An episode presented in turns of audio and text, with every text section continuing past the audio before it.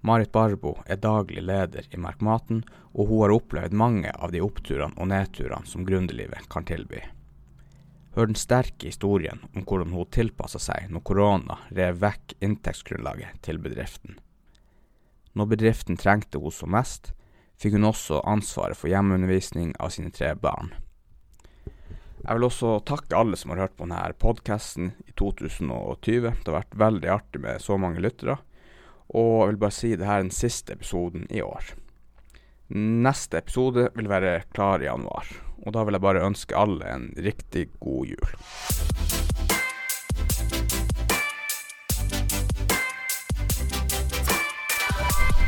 Da kjører vi på. Ja. Velkommen hit. Tusen Det er vel ikke første gang du er på en podkast. Nei, det er det ikke. Det har skjedd før. Jeg var eh, veldig heldig å bli spurt av Silvia Seires. når hun var her i Alta. Mm. Jeg tror vi var en eh, åtte-ti gründere eller noe sånt. Ja.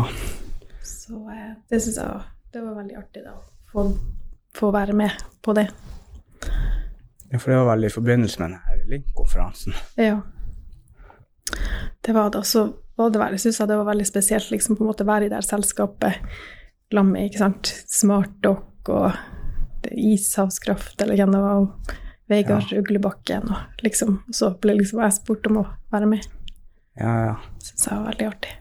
Det er jo stas, det. Ja, helt klart.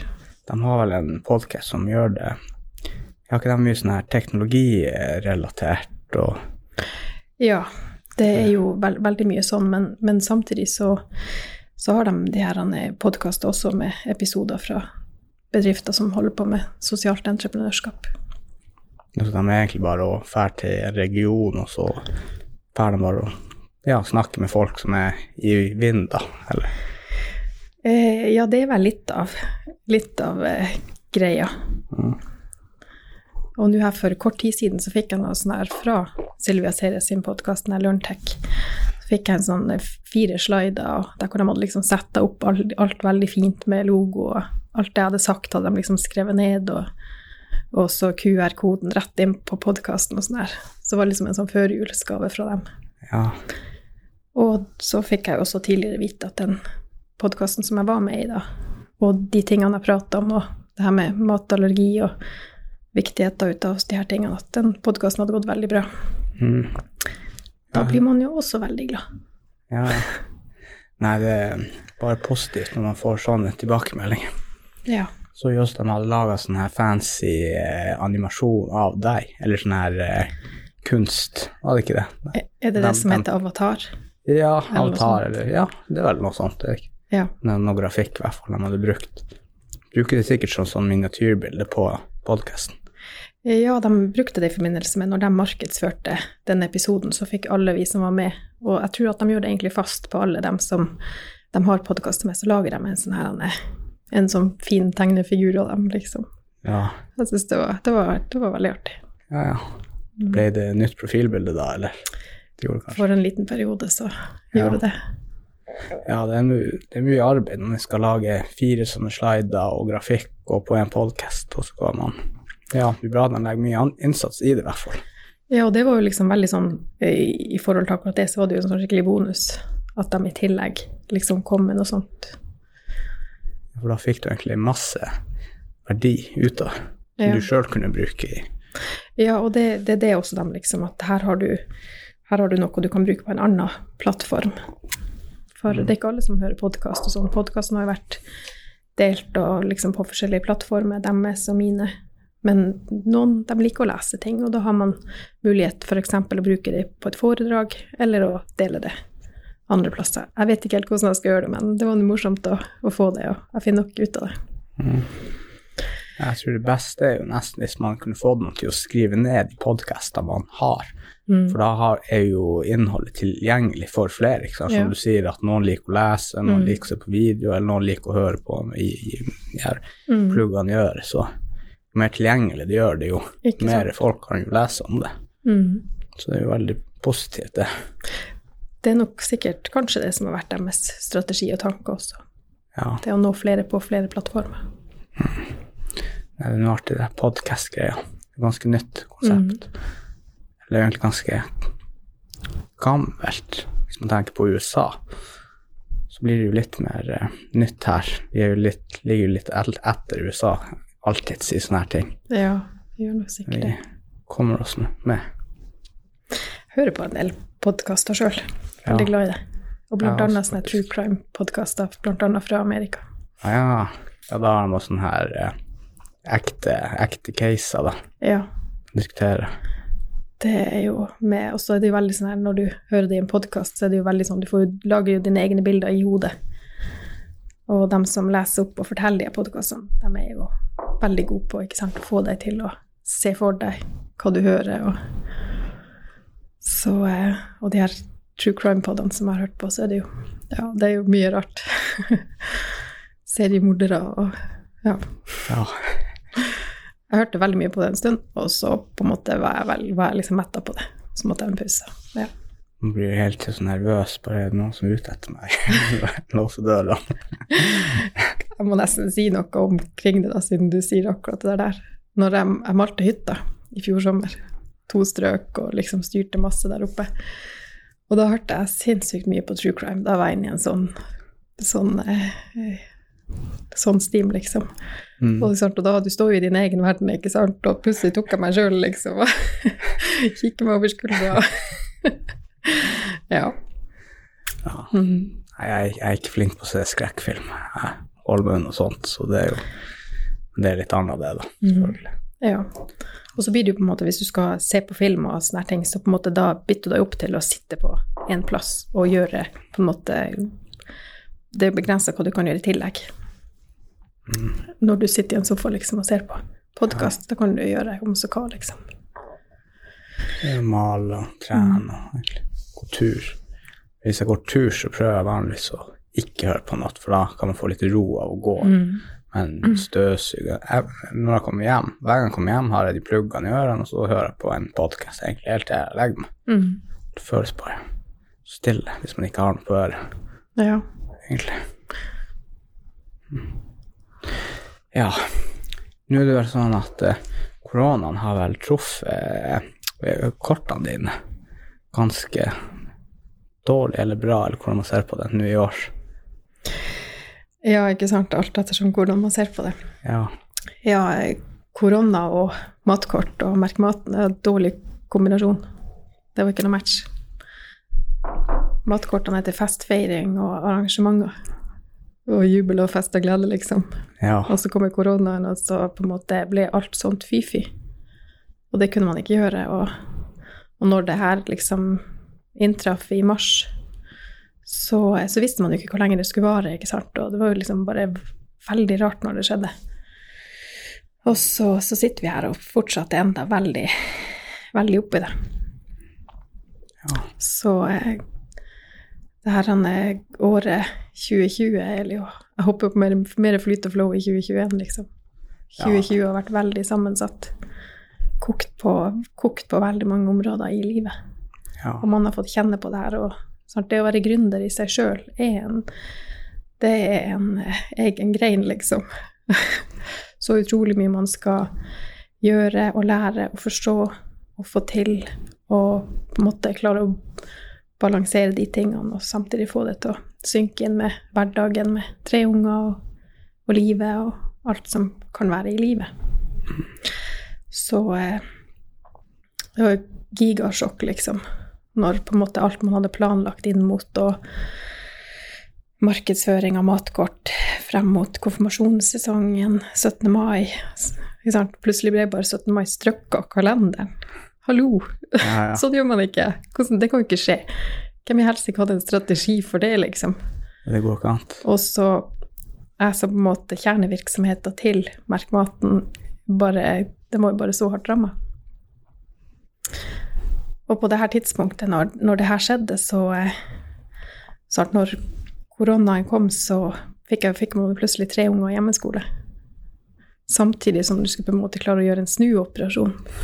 Og på en måte rigge deg på nytt ikke sant? for å på en måte stå i den nye situasjonen. Og så lager man liksom en strategi, og så bare nei, shit, forkast. Og så på en måte, ja. Så på det tidspunktet var også mamma veldig syk. Hun hadde vært syk da siden i oktober. Og, eh, og da plutselig stengte sykehjemmet dørene, og vi fikk ikke truffet henne heller. Så det var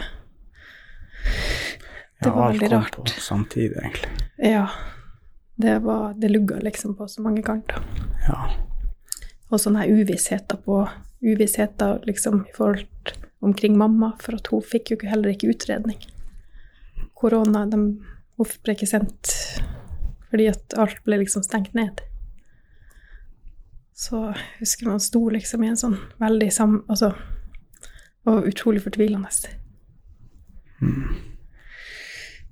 Og da, når hun ble syk i oktober 19, akkurat den dagen så skulle jo jeg reise ned til Oslo og Østlandet og jobbe med promotering av matkort. Og hun skulle reise med meg. Fordi hun skulle eh, til en venninne i Tønsberg, og så skulle hun videre til Syden. Men i stedet for den dagen, da, så ble det jo Istedenfor at vi hoppa på Norwegian, og så hoppa vi i ambulanseflyet. Så det var liksom veldig Veldig spesielt. Og det som også akkurat skjedde den dagen i oktober i 19, det var det at mens jeg for hjem og bare skulle pakke veska og liksom drite i den kofferten jeg hadde pakka som, som jeg skulle reise til Oslo på stand med, bare full fart pakke en bag og eh, være, hoppe på ambulanseflyet, så eh, tok jeg jo med jobb-PC-en og alt det her, ikke sant, også for å tenkte man må ha, må, måtte ha det også med. Og mye som skulle avlyses, og mye som på en måte Jeg måtte liksom tenke bedrift samtidig som det kokte der. Og da sjekka jeg mailen, og plutselig så hadde jeg fått en mail fra Finnmark fylkeskommune at jeg var nominert til Folkehelseprisen. Det var så kontrastfullt, liksom. Og da, i en mail så sto det at var liksom, vi var to stykker igjen, Offroad Finnmark og Merk Maten. Og det var, det var bare så rart. Det var liksom Det var så ytterpunktene. så ja, når vi er inne på det, så Offroad Finnmark vant jeg selvfølgelig. Jeg syntes det var morsomt, og jeg følte at jeg vant der også, siden det var på andreplass. Så, men det var liksom den kjempegleden i forhold til herregud, hvor det han, liksom. Og så var den her kjempesorgen og panikken i kroppen, liksom, når, når ei mor blir syk. ja. Mm. Det er en sterk historie.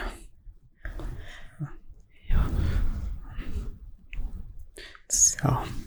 Nå eh, Du har jo tatt med et par matkort her i dag. Kan du fortelle egentlig litt om eh, hva egentlig merkmaten er, for dem som ikke vet hva det er? Ja, Merk maten jobber for trygge matopplevelser. Og det å gjøre fest og feiring og arrangementer tilgjengelig for alle. Enten du har matallergi eller intoleranse eller cøliaki eller hva det måtte være. Og det at du med hjelp av et matkort kan fære på et arrangement, og så på en måte får du muligheten til å navigere etter noen ting. Du får informasjon fra matkortet, den informasjonen du trenger ikke sant, for å Ok, det her kan jeg spise, det her kan jeg ikke spise, og sånn. Veldig, det er jo en enkel løsning, men på et veldig stort problem. Utrolig mange i dag har jo utfordringer i forhold til mat. Men av forskjellige grunner. Og det her å på en måte ta dem, alle dem på alvor, og det å gjøre noe med det. Og det å se på det også som en type universell utforming. Og vi er veldig gode i dag i Norge, f.eks., og mange andre land, på det her å tenke på dem med, som har rullestol og bevegelseshemming. Og det å tilrettelegge med heis og rampe og de her tingene, det er naturlighet. Og det, blir den, det er på en måte kommet inn i Det er et lovverk på det, ikke sant, og sånn skal det være. Og så, sånn tenker jeg at det bør man også tenke på i forhold til dem som har, har matallergi og sånn. At det er òg en type De trenger også litt tilrettelegging for å kunne delta på festen. Og da tenker jeg at spesielt viktig på skolearrangementer og idrettsarrangementer, der hvor det er masse unger. Og hvis du da i tillegg, ikke sant, du kan jo så er det jo ikke sant, strekke det videre, ikke sant. Pynte, eller ha det på konfirmasjonsbordet. Ikke på konfirmasjonsbordet, men ha det ikke sant, på kakebordet i konfirmasjonen. Og du kan gjøre det, gjøre det til en del av pynten, ikke sant. sånn som Ja, nå ser man jo ikke på en podkast, men, men sånn som det å på en måte style et matkort med, med liksom konfirmasjonsrelatert.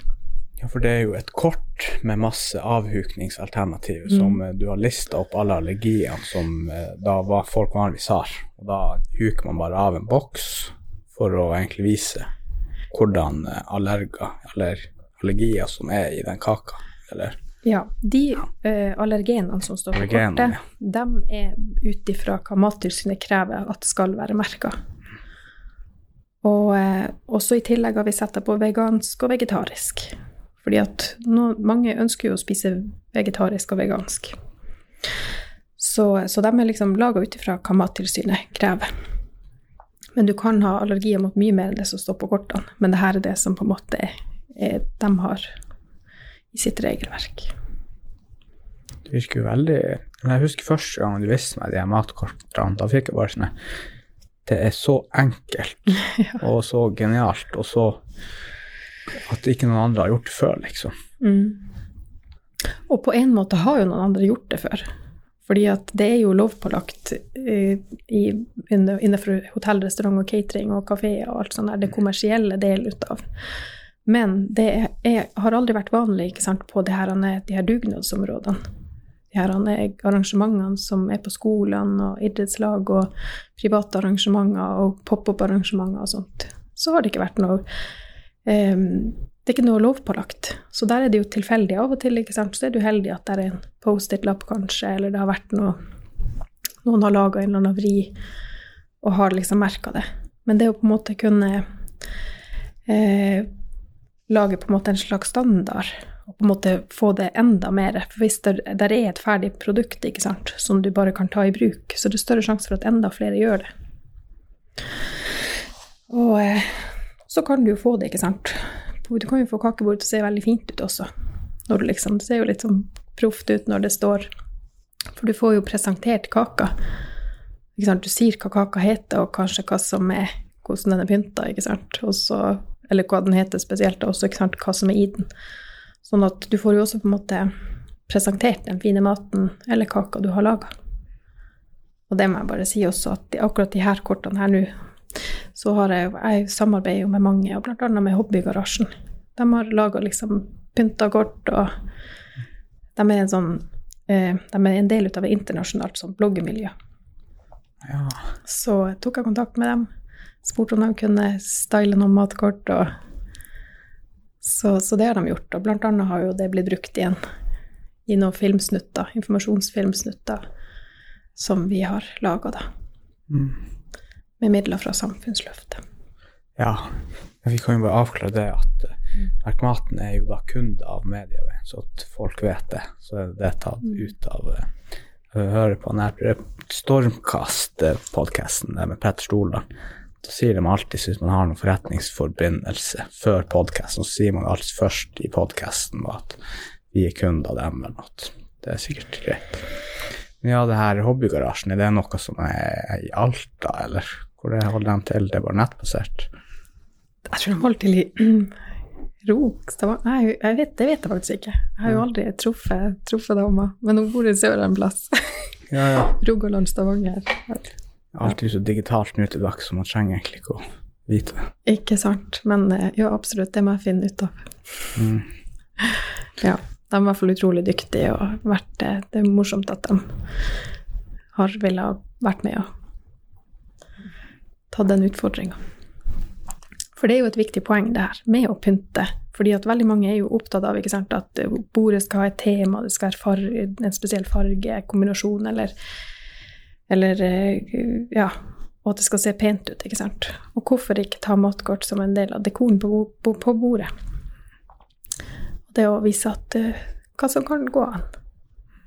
Mm. For jeg ser jo spesielt bruksområdet at man faktisk kan se hvordan kake det er. Mm. For jeg har egentlig ikke peiling på nesten noen kaker ser ut. Kanskje sånn her gulrotkake. Ja. Hvis noen andre designer den litt annerledes, så har man jo ikke peiling. Man må jo smake hver Mm. kake for å finne ut hva det er. En bløtkake skjønner man jo hva er da, man. Mm. men nå er det sikkert mer eh, utvalg nå til dags. Men akkurat det du sier der, er et viktig poeng, fordi at du som ikke har noen allergier, du ser òg verdien av et sånt kort, fordi at da ser du hva du faktisk spiser. Du får ikke en overraskelse når du kommer til bordet og tar den første skjea, liksom. Så eh, Det ser jeg også når jeg er på, på restauranter og skal spise. Da er vi mange plasser de har en buffé som ikke står merka. Spesielt når vi var her nede på når de hadde lunsj her nede på Kunnskapsparken på det studenthuset. Da hadde de jo fire, fire sånne hjemmelaga dressing. Alle var hvite, og noen er Ja. litt hvitere. Liksom. Man har jo ikke peiling på hva det er. mm, Og da var det nesten litt sånn irriterende at ikke det faktisk sto hva det var. For at du står der og er helt hjelpeløs når det du har ikke peiling hva du ser på engang. Og det tenker jeg også er litt rart av og til, for at sånn, når en kokk har stått og mekka et eller annet, at han ikke har lyst til å fortelle hva det er for noe, med ord, ikke bare det at det, det visuelle du ser oppi, et, oppi en skål eller sånn. Så jeg at det er liksom den siste prikken over i-en. Og i hvert fall burde det være på plass. Og det skal jo egentlig være på plass i en, på, i en sånn type kafé. Så eh, rett, liksom, du har brukt så lang tid på å lage noe, hvorfor ikke på en måte ta den helt ut og fortelle hva du har laga? Ja, ja. For det er ikke åpenbart alle rettene, ikke sant, hva det er for noe. Du prikker den over i-en, Mm. rett og slett. Ja, og så på en måte er det så enkelt, og så gjør det hele forskjellen for mange. Hele forskjellen. Og jeg tenker sånn innenfor hotell, restaurant og catering, så er det på en måte også en, en måte å Jeg tenker at det må jo være økonomisk også å gjøre de tingene. Fordi at hvis det er en gjeng ikke sant, som 30 stykker som skal boke seg inn på en restaurant, ikke sant, så kan du være helt sikker på at det er noen i de 30 som har noen utfordringer. Og et av spørsmålene er jo annet ja, kan dere lage noe glutenfritt, kan dere ditt, kan dere datt. Og har da, ikke sant, spiseplassene, de her tingene på plass, så sier gjengen ja, da, men da tar vi hos dere. Og har de utstråler dem at de kanskje ikke helt har de her tingene inne, så ringer gjengen en annen plass. Så det er en utrolig fin måte å ønske noen ordentlig velkommen på. Det er jo eh, økonomisk lurt også Yes. egentlig å gjøre det. For Mm. de tjener jo, da mister de ikke de her, Ja. den gruppa, da. Mm. Og så har du det andre, ikke sant, i et sånt privatkalas, ikke sant. Den her følelsen du får, ikke sant, når du, det kommer en gjeng, og så dem som har sånne utfordringer, den gode følelsen som det gir. At åh, jeg trenger ikke å spørre. Her er det bare å Nei, men jeg fikser sjøl, ikke sant. Trenger ikke å tiltrekke deg all den her oppmerksomheten med ja, hvem har laga den her, og er hva som er i den her, og får litt vage svar. Nei, det, jeg tror ikke at det, vet du hva, det er ikke egg i den der, eller nei, det er ikke melk i den, jeg tror ikke at det og Så er det jo, hvis man har allergier, så er jo det veldig viktig å, å vite, Ja. rett og slett. Det er ikke noen ting du har valgt, det er bare noen ting. Sånn er det, og det her trenger man å vite. Nå, det var sånn at var det krav nå på restauranter at man har det her på f.eks. en buffé? Eller det er blitt det? Det er et krav, og det syndes masse. Mm. Hvis du tenker deg en, en bar eller en plass som, har, eh, som serverer alkohol Hvis de ikke har eh, oppfølger de her reglene i forhold til skjenkebevilgning, så kommer det noen karer og banker på døra, har ikke du det i orden, så i beste fall får du en advarsel, eller så mister du skjenkebevilgninga. Sånn skulle det ha vært, tenker jeg, i forhold til dem som serverer mat. Har ikke du ting på plass, og retter du det ikke fort opp, ja, så burde du miste muligheten til å servere mat. Fordi at det er et regelverk, på lik linje med regelverket i forhold til skjenkebevilgning. Og det er ingen som dør hvis de ikke får tatt seg en drink, eller blir syk hvis de ikke får ta den. Men hvis du spiser noe mat som du ikke får den informasjonen du trenger, eller den er riktig, så kan du bli kjempesyk. Så hadde jeg bestemt, så vet jeg hvordan det skulle vært. Ja, ja. Det er jo sikkert noen som er da, de som gjør de her avgjørelsene, de har sikkert ikke allergier sjøl, så det er lett å overse det, ikke sant. Det, det vet jeg ikke hva som er. Ja. Men ikke sant, det er grunnen til at jeg jobber med det jeg gjør, i dag. Det er jo fordi at jeg har mye, via ungene fått mye kunnskap omkring matallergi. Og jeg vet hvor mye det har å si. Og jeg vet hvor, eh, hvor syk noen kan bli. Og eh, da er Ja. ja du, da hjelper du egentlig Mm. alle. Den erfaringa du får bygd opp, ikke sant, så gir du det til flere, og det er nok mange som setter pris på. for ikke så kjempelenge siden. To måneder siden, kanskje. Mm. Så fikk eh, min eldste sønn han fikk i seg egg med et uhell. Og han ble kjempedårlig. Sånn skikkelig dårlig, så dårlig som vi aldri før har opplevd at, han har blitt. Så da endte vi med en ambulansetur til sykehus. Og det med ambulansefly, da. Først ble han henta i ambulanse, og så fikk de stabilisert han her i Alta, og så var det videre. Ja, Sånt, det og det er på en måte Så ille kan det være. Og så har du alle dem som på en måte har Som får litt vondt i magen, eller som får litt får kløe, eller spyr, og så er de ferdig med det. Men det, matallergi er liksom hele spekteret. Og, eh, og da er det av og til skummelt når noen bagatelliserer. Liksom at nei, hvor ille kan det Altså, det er jo det er ikke melk her, men jeg har brukt smør. Men smør er et melkeprodukt, for eksempel. Og den som avgjør om man tåler bitte litt eller ingenting, det er den som har allergien, som kjenner sin allergi. Ja.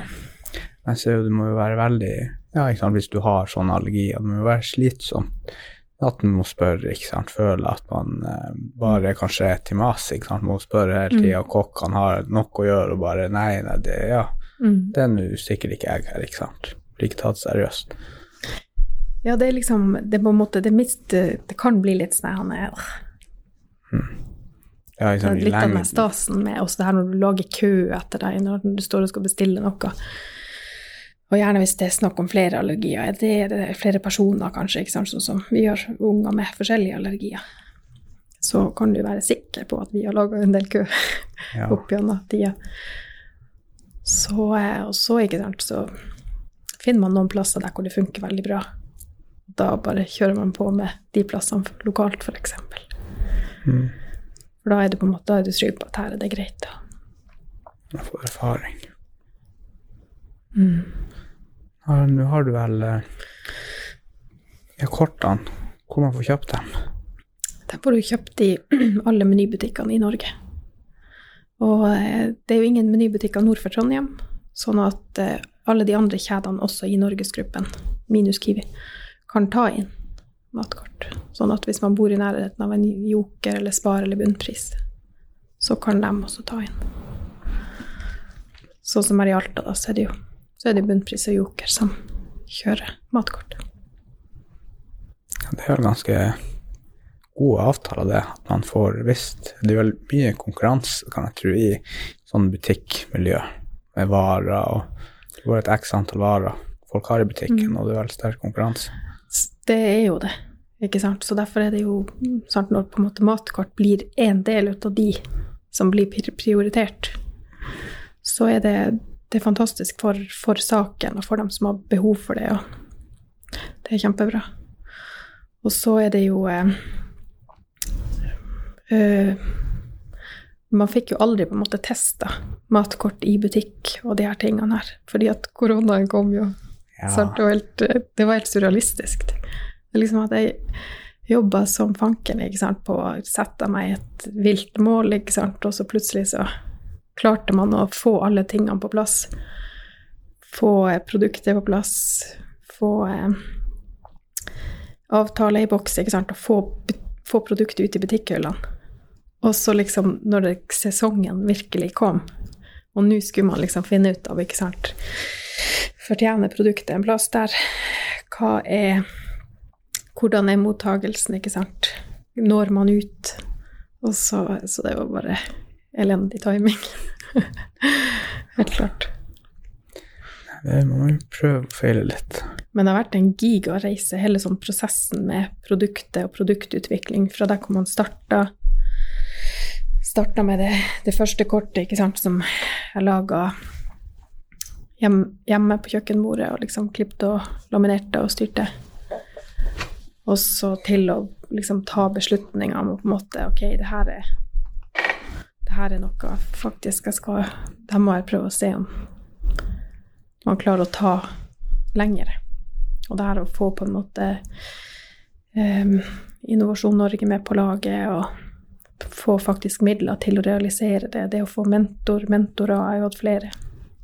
Men hva, hva de starta? Når lagde du ditt første matkort? Det, heter kak, det, het, det var kakekort jeg lagde Ja, først. kakekort, Så, men eh, så ble det etter hvert matkort. Og, men jeg laga det første i 2014. Tok det med bort på ungene sin nærskole. Og eh, kjempepositiv skoleadministrasjon. Mette Sønnevisen. Shout-out. ja. ja. Også Solveig Ottomo Paulsen. Ja. Nei, det var helt avgjørende. Mm. Jeg for dit bort 14. mai. Du, se her, jeg har laga noe greier hjemme, kan ikke vi bruke det her på 17. mai? De tente på ideen, de skjønte tegninga, så at ja, det her er hallo, det her får vi til. Og de heiv seg til og klipte og limte og laminerte dem også. Mm. Fikk laga opp en masse kort ikke sant, og prøvde ut på skolen lokalt. Og jeg husker en sånn enorm eh, glede.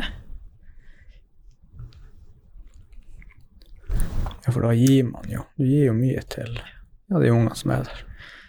Og så liksom når unger, unger som aldri før hadde spist kake på 17. mai, eller, eh, eller foreldre som på en måte ikke trengte å ta opp den matboksen som de hadde med som sånn her liksom proviant til ungene. Så det var skikkelig stort. Ja, for du eh, har ikke du også eh, Det blir jo gjort Det ble, det ble mye oppmerksomhet rundt det her. Du ble jo vel invitert til det her TV 2 eh, God morgen Norge. Ja. Vi, når vi så mottagelsen i 14 og 15, liksom, og, og at det her faktisk så lite, en så liten ting kunne gjøre en så stor forskjell, så i denne prosessen her så tok jeg kontakt med Astmalogiforbundet og Anne Kari som sitter her i Alta, og hun på en måte skjønte også at hm, ja, det her er, her er noe lurt. Så da er, tok hun og skrev en søknad, hun er jo maskin på sånne her ting. Og eh, så fikk vi midler fra Ekstrastiftelsen, eller Stiftelsen DAM, som det heter i dag. Og eh, til å på en måte til å kommersialis ikke kommersialisere det, men for å få det ut. Og så delte vi det ut, eh, fikk lag proff designer, og så delte vi ut gratis og alt det her. Det var liksom i, i prosjektet. Og la det ut til gratis nedlastning. Og i, den her, eh, i det her så ble det snappa opp av, og, av eh, God morgen Norge, da, og så tok de kontakt. Så da så spurte de om han Ole Einar også ville være med nedover. Så da reiste jeg Ole Einar i mai 16 nedover. Vi Fikk du bare en telefon da, eller? Det var Anne Kari som ble kontakta, for at uh, hun var den uh, Hun var jo med i prosjektet, og midlene ble søkt gjennom Astmalogiforbundet. og Allergiforbundet. Det her, er litt langt tilbake, jeg husker ikke helt riktig alle detaljene, men hun var den som stakk innom meg, og så uh, sa hun at du, jeg har fått en telefon. så, uh, og så lurte hun på om, om jeg ville stille, da. Ja, det er shout-out shout out til Anne Kari Ja. for å fikse biffen. Og hun, eh, for jeg husker hun ringte liksom Ja, nei, men jeg må komme innom deg med noe. og Jeg har noe, jeg må et eller annet. For hun ville liksom fortelle det til meg mens hun så meg. At God morgen Norge hadde ønska at vi skulle komme dit. da. Ble du nerva, da? Alltid nerver Ja. når det er sant. Hvordan er det egentlig å stå der og gjøre deg klar til å fære på TV foran sikkert hundrevis av tusen? Det var jo kjemperart. Altså Det var veldig rart, det. Og nå med årene, ikke sant, så har det blitt mye avis og mye ditt og datt og media og sånn her. Men det var veldig rart å på en måte starte ut med God morgen Norge. Fra å nesten aldri ha sagt noe som helst høyt før i noe media. Så det var en veldig rar opplevelse og sånn. Så, men jeg tenkte det at grunnen til at de har kontakta oss, det er fordi vi har noe å melde. Vi har noe, vi har noe viktig, viktig på hjertet og noe riktig å si. Så jeg fant veldig mye ro i å bare tenke at det holder, det holder at vi bare kommer som dem vi er, og som det vi er. Fordi vi har noe, har noe som på en måte betyr noe for veldig mange. Og det er alltid det som jeg også har eh, dytta foran meg, liksom. med når det er ting jeg har tenkt hadde vært veldig vanskelig, eller som jeg egentlig har lyst til å si nei til, eller liksom vært usikker på om jeg klarer eller får til, så har jeg alltid dytta på en måte saken foran meg og tenkt at jo, for saken. Eller det her får jeg til fordi at det er det som er. Ja, for du har jo egentlig et høyere mål enn bare å tjene penger. Ja, Det er det nært. det er jo Det var ikke det som på en måte var i tankene mine den, den gang da. Og nå selvfølgelig er man jo i en, eh, i en situasjon ikke sant, der hvor man må få til begge deler. Fordi at jeg gikk jo etter hvert til det skrittet, ikke sant, det å si opp fast jobb. Og det å Og den tryggheten som det er, som er veldig høvelig i en hverdag. Ja. Så, eh, sånn, så det er jo den, her, det er jo den balansekunsten med å få til begge delene. Saken er fortsatt litt like viktig. Egentlig for hver dag som går, så blir den enda viktigere. Fordi at det blir stadig flere som får utfordringer. Og eh, Så derfor var det jo liksom vondt i margen. Mm, 2020 og, når koronaen kom, ikke sant, og Ja, liksom det har er gründers. det man har hatt, har man liksom lagt i potten. Og eh, sant, ikke overhodet. Altså, man er ikke rigga for noe, noe sånt. Hallo. Det går jo ikke an å være forberedt på noe sånt. Nei. Så eh, nei, Jeg hoppa en stund på at det her var en sånn kjip drøm, og snart våkner vi alle sammen.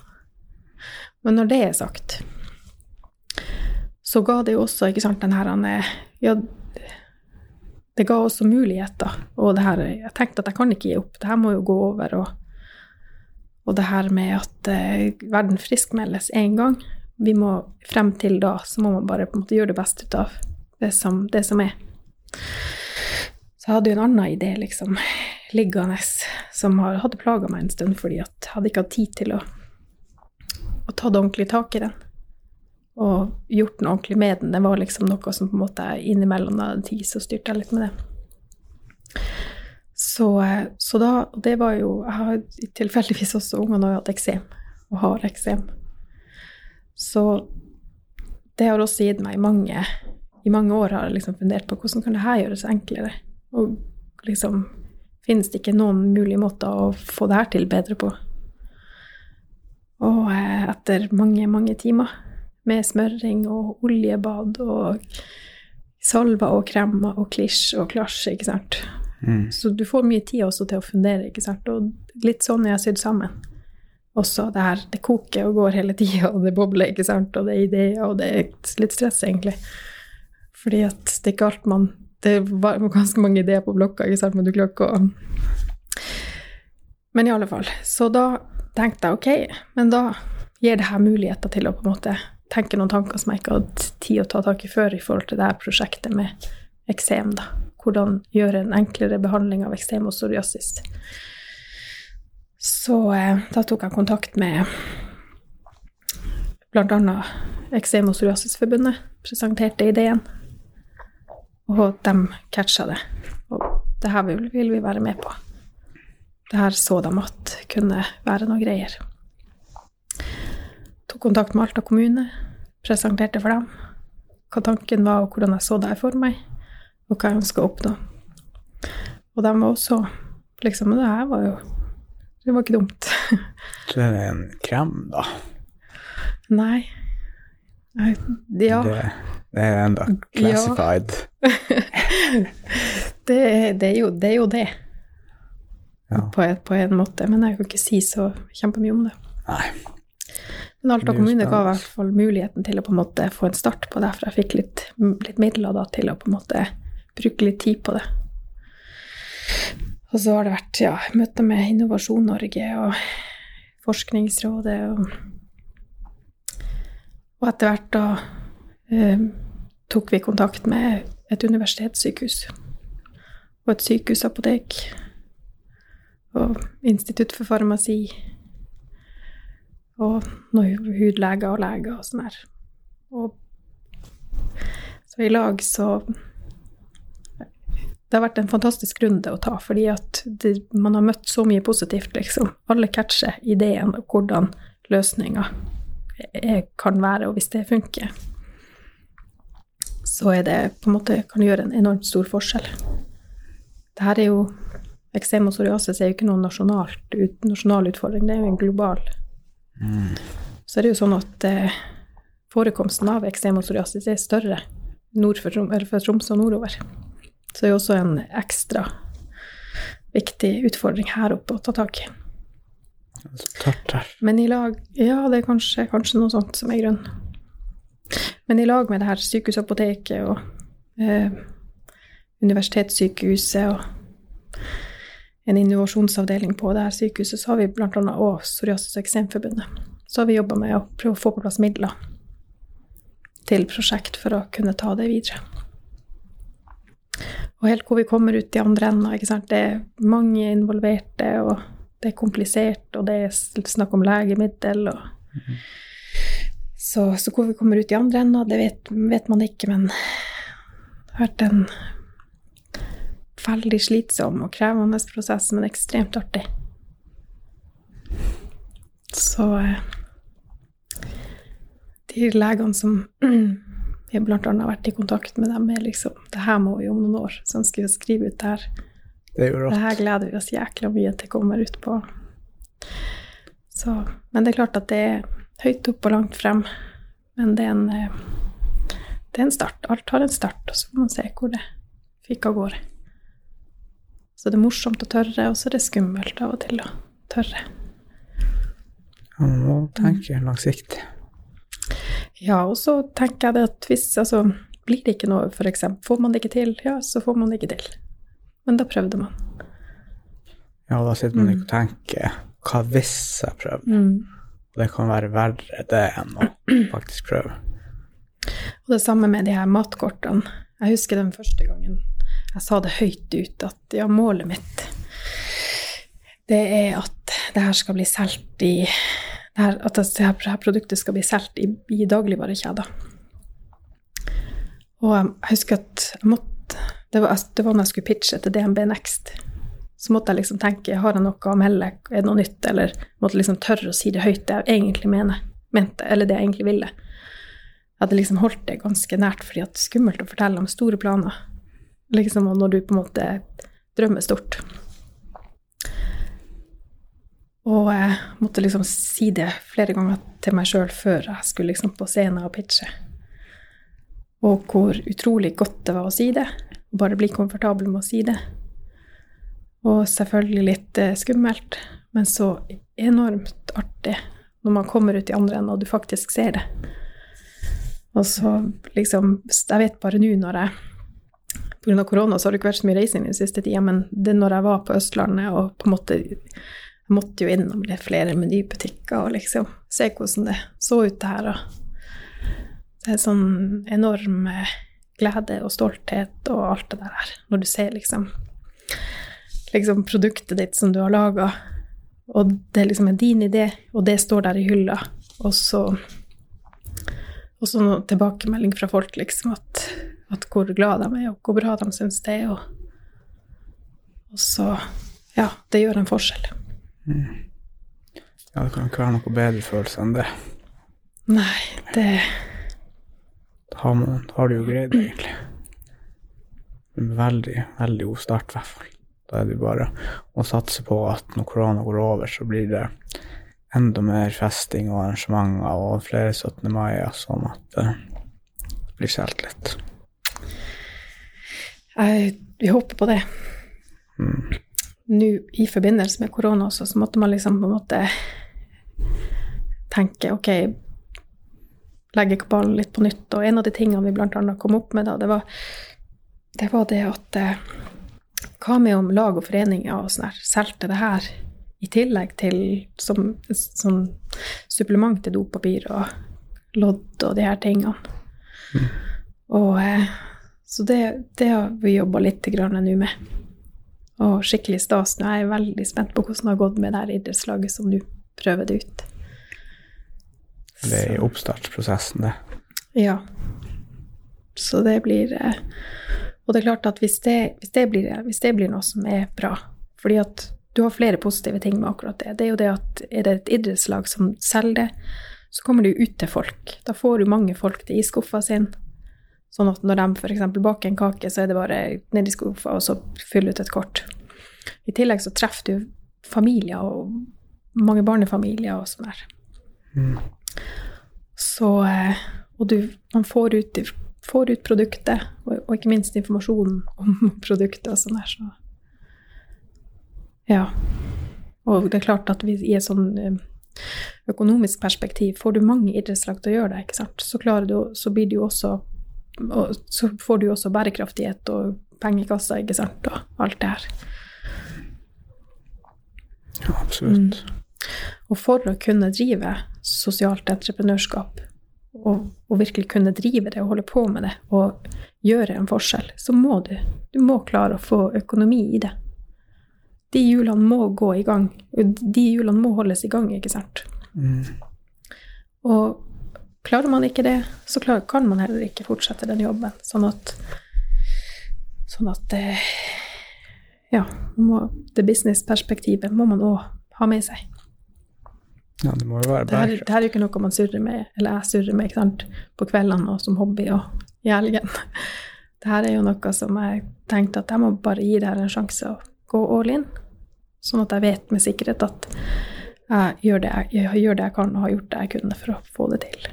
Mm. Men det er klart at det jeg gjør nå, det er jo noen ting som ingen, an, som ingen har gjort før. Så det, det konkurrerer jo ikke Vi var innom det med konkurranse i sted. Det er jo stor konkurranse for å komme inn i butikkhyllene, men i det produktet har kommet inn i butikkhyllene, så konkurrerer det ikke med noen andre produkter, for at det finnes ikke eh, et sånt produkt for, for eh, i dagligvarebutikkene som det til tilsvarende. Og forhåpentligvis så forblir man den eneste. ja, da har du et midlertidig monopol, i hvert fall. Det er nok bare midlertidig. Ja. Men det er jo veldig bra å være først. Mm. Det setter jo for et veldig stort konkurransefortrinn og få etablert merkevaren, og kanskje det blir mm. som de her GoPro-kameraene, at det liksom bare er et matkort. Det er liksom merkematen som blir standarden mm. for det segmentet. Ja. Hvordan har ikke Hvordan har eh, Du har jobba ganske tett med eh, Orinor også opp gjennom tida? Ja. Hvem kanskje enda? Jeg er vel en av dem som har tilknyttet dem lengst, tror jeg, ut av inkubatorbedriftene. Og det har også vært ekstremt viktig. Det å ha et eh, For de blir jo på en måte liksom litt kollegaene dine. Og tenkt at du gjør jo også det av og til, siden vi har jobba i lag. Ja, ja. Men fordi at sånn blir det. For egentlig er man jo alene. Det er jo, Merkmaten er jo eh, Eh, jeg er jo egentlig på en måte alene, så da blir det veldig viktig med de gjengen i Orinor og styret. Kjempeviktig. Kjempeviktig å kunne å vie seg, liksom, og være et vi. Og spesielt når ting går bra, så det er kjempeartig å måtte ha noen å være kjempeglad i lag med. Feire i lag med liksom, hva vi har fått til. Og så er det når det, ting går ikke fullt så bra, hashtag korona, så er det også viktig å ha noen rundt seg. Og selvfølgelig hele det koronaopplegget. Masse hjemmekontor og styr hjemmefra. Så, så, ikke, så har det vært litt begrensa, men man, man, vet i hvert fall at man har noen. Og det er klart en haug med Teams-møter og, og, Zoom herfra til månen, ikke sant. men man har i hvert fall hatt noen. Hva tror du har vært alene? Sånn helt shit, ass. Det hadde vært helt grusomt. Så sånn ja, sett tenker jeg at jeg er heldig. Og ja, inkubatoren her i Alta, det, ja, de har betydd utrolig mye. Litt positiv innstilling, i hvert fall. Det er bra. Eh, at jeg har, eller dem har, eller Ja, du har. ja, jeg tror jeg er ganske god på å se de positive tingene. Sånn. Ja, det som er fint med Orinor også, at de fungerer jo da som psykologer også når det går dårlig. De veileder deg jo. Eh, ja, de har nå absolutt vært innom, innom, den De blir jo på en måte dine de, Er noen av dine nærmeste på godt og vondt i, i jobbverdenen. Og, og så eh, spesielt det her året, ikke sant, som jeg har hatt mye mye, mye styr privat, liksom, med når mamma, Dessverre, ikke sant, så døde jo i sommer. Mm. Og eh, det å på en måte ha dem Det at eh,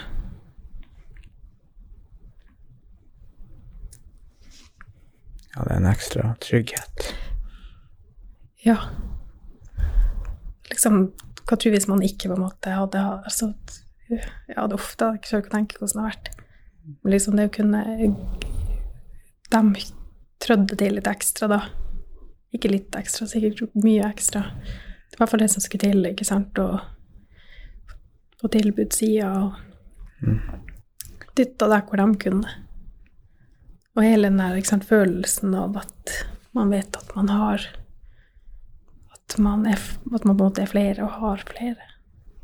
Ja, Så selvfølgelig styret, ikke sant. Helt eh, Helt uvurderlig. Mm. Ikke sikkert at de vet hvor viktig noen av dem har vært. Nå kan jeg jo få si det. Ja, ja. Ja. Nei, det er, bruk- jeg, jeg er nok jeg er god å skryte, tror jeg, av dem. Så jeg tror de vet hvor viktig de har vært. ja det er viktig å Men si en annen ting også. Jeg og du vi har jo hatt flere avtaler, ikke sant. Vi skulle jo først ha denne podkasten i februar. Januar-februar eller noe sånt. Du var akkurat når du hadde starta opp med den. Ja, ja stemmer.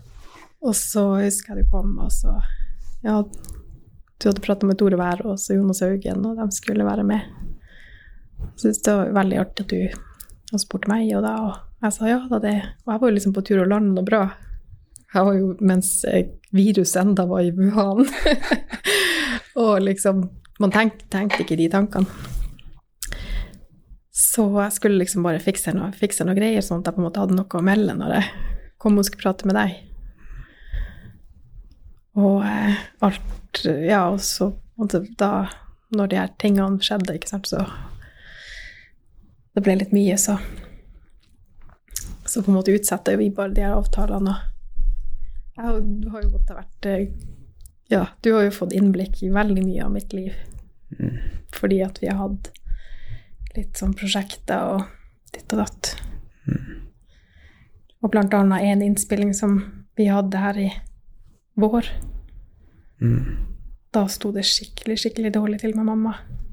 Hadde fått beskjed dagen før at nå er det ikke noe mer. Men da hadde jo vi det her Da hadde jo vi avtalen om da hvor veldig mange var involvert, og det var filming og styre, ikke sant. Og det er jo på en måte Da måtte jeg jo ta et valg. Enten skal jeg gjennomføre det her, eller, eh, eller avlyse. Og valgte å gjennomføre, men da måtte jeg jo fortelle dere alle sammen ikke sant, at hvordan ståa var. Så dagen etter innspilling så var det jo rett på sykehus igjen.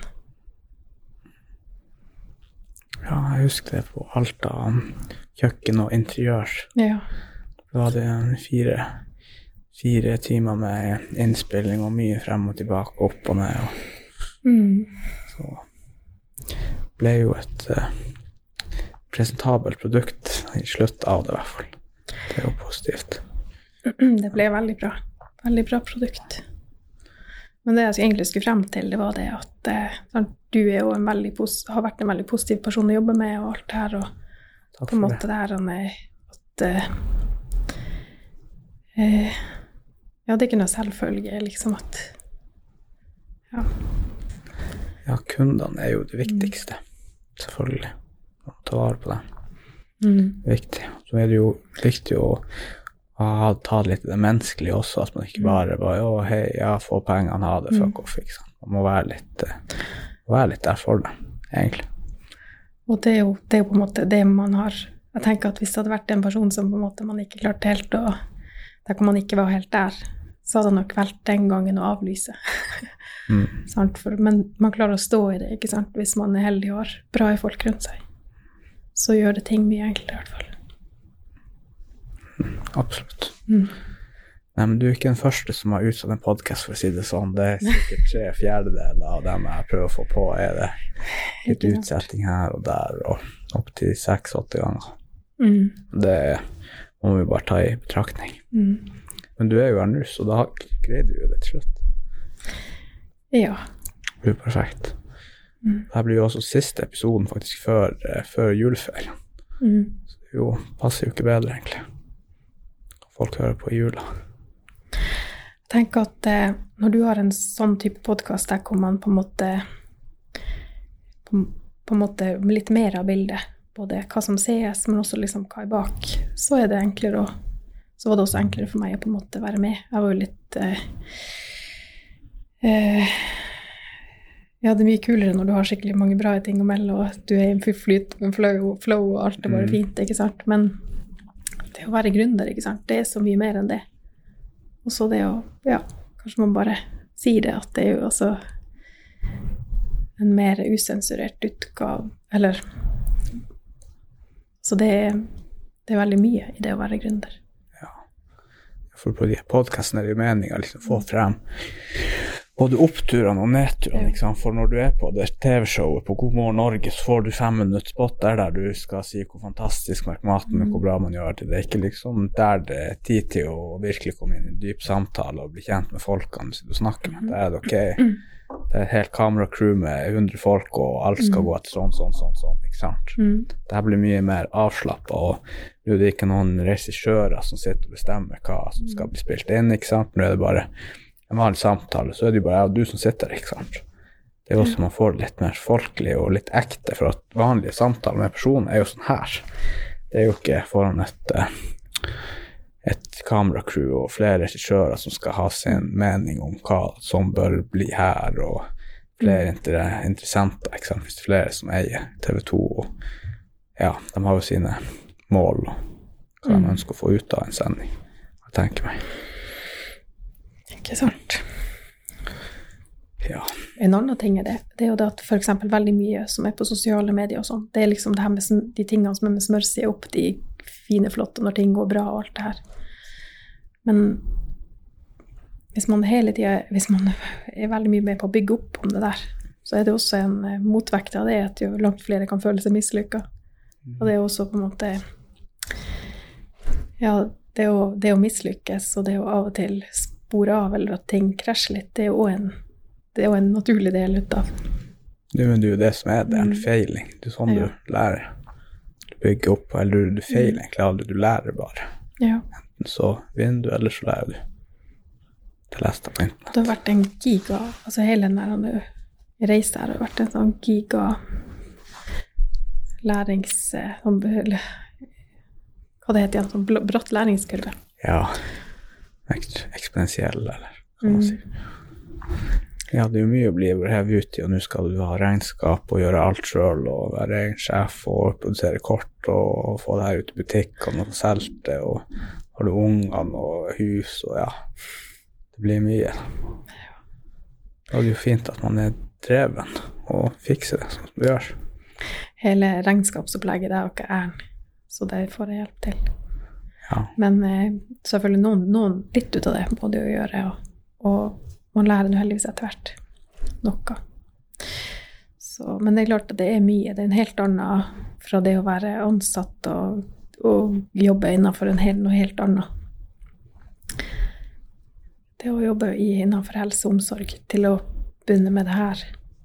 Her har du jo på en måte Skolen må du gå parallelt, eller har jeg måttet på en måte gått parallelt samtidig som jeg er utvikla og liksom blitt kjent med et helt annet system og jobber med helt andre typer folk og helt andre Så nå når jeg også styrer litt med det nye prosjektet her, som på en måte går mot medisin, så er det liksom bare, også nok, nok en ting som jeg egentlig ikke kan, men man finner liksom ut av det. Og eh, ja, av og til så kunne jeg tenke meg at jeg jobber på et lager og stabler ting, og det skal stå her, og det skal stå der, og så liksom Og du bare pro produserte sånn uten at du trengte liksom hele tida at det måtte være så mye sving i hodet. Så eh, ja. Det er litt Ja, det er varierte arbeidsdager, for å si det sånt. Det er det. Det er jo litt Men har du eh, noen gang tenkt at uh, du ikke vil gjøre Nei, det tror jeg ikke. At du ikke vil gjøre det du gjør. Har du noen gang angra på å starte opp egen bedrift? Nei, jeg har aldri angra. Aldri angra. Men jeg sier ikke at det ikke har vært tøft. Ja. Jeg har aldri angra på det, for hver gang jeg har begynt å tenke, eller når det har vært tøffe tak og alt det her, så er jeg veldig kjapp på å tenke 'hvorfor gjør jeg det her'? Og da er det liksom Det er jo fordi at for saken og sånn, og da det, går det fort over. Og derfor også det å, for å få ting til å gå fort over, så har du også verdien av å inkubator, Orinor, ha et styre, ha flere å prate med. Og eh, at man liksom ikke blir stående for lenge, at det lugger, og liksom Verdien av å prate med flere og hente inn kompetanse. Og, og ha folk rundt deg som gjør deg, gjør deg godt. Men har du eh, Har du noe eh, du skulle gi et tips til deg sjøl som 20-åring, med all den kunnskapen du har i dag, hva det hadde vært?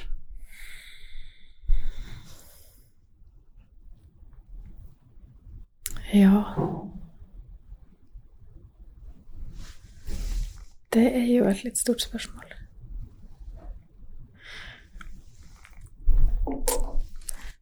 Kanskje Hvis jeg skal gi meg sjøl et tips, måtte det kanskje ha vært det at jeg skal hørt mer på, mer på meg sjøl og stemmen inni meg.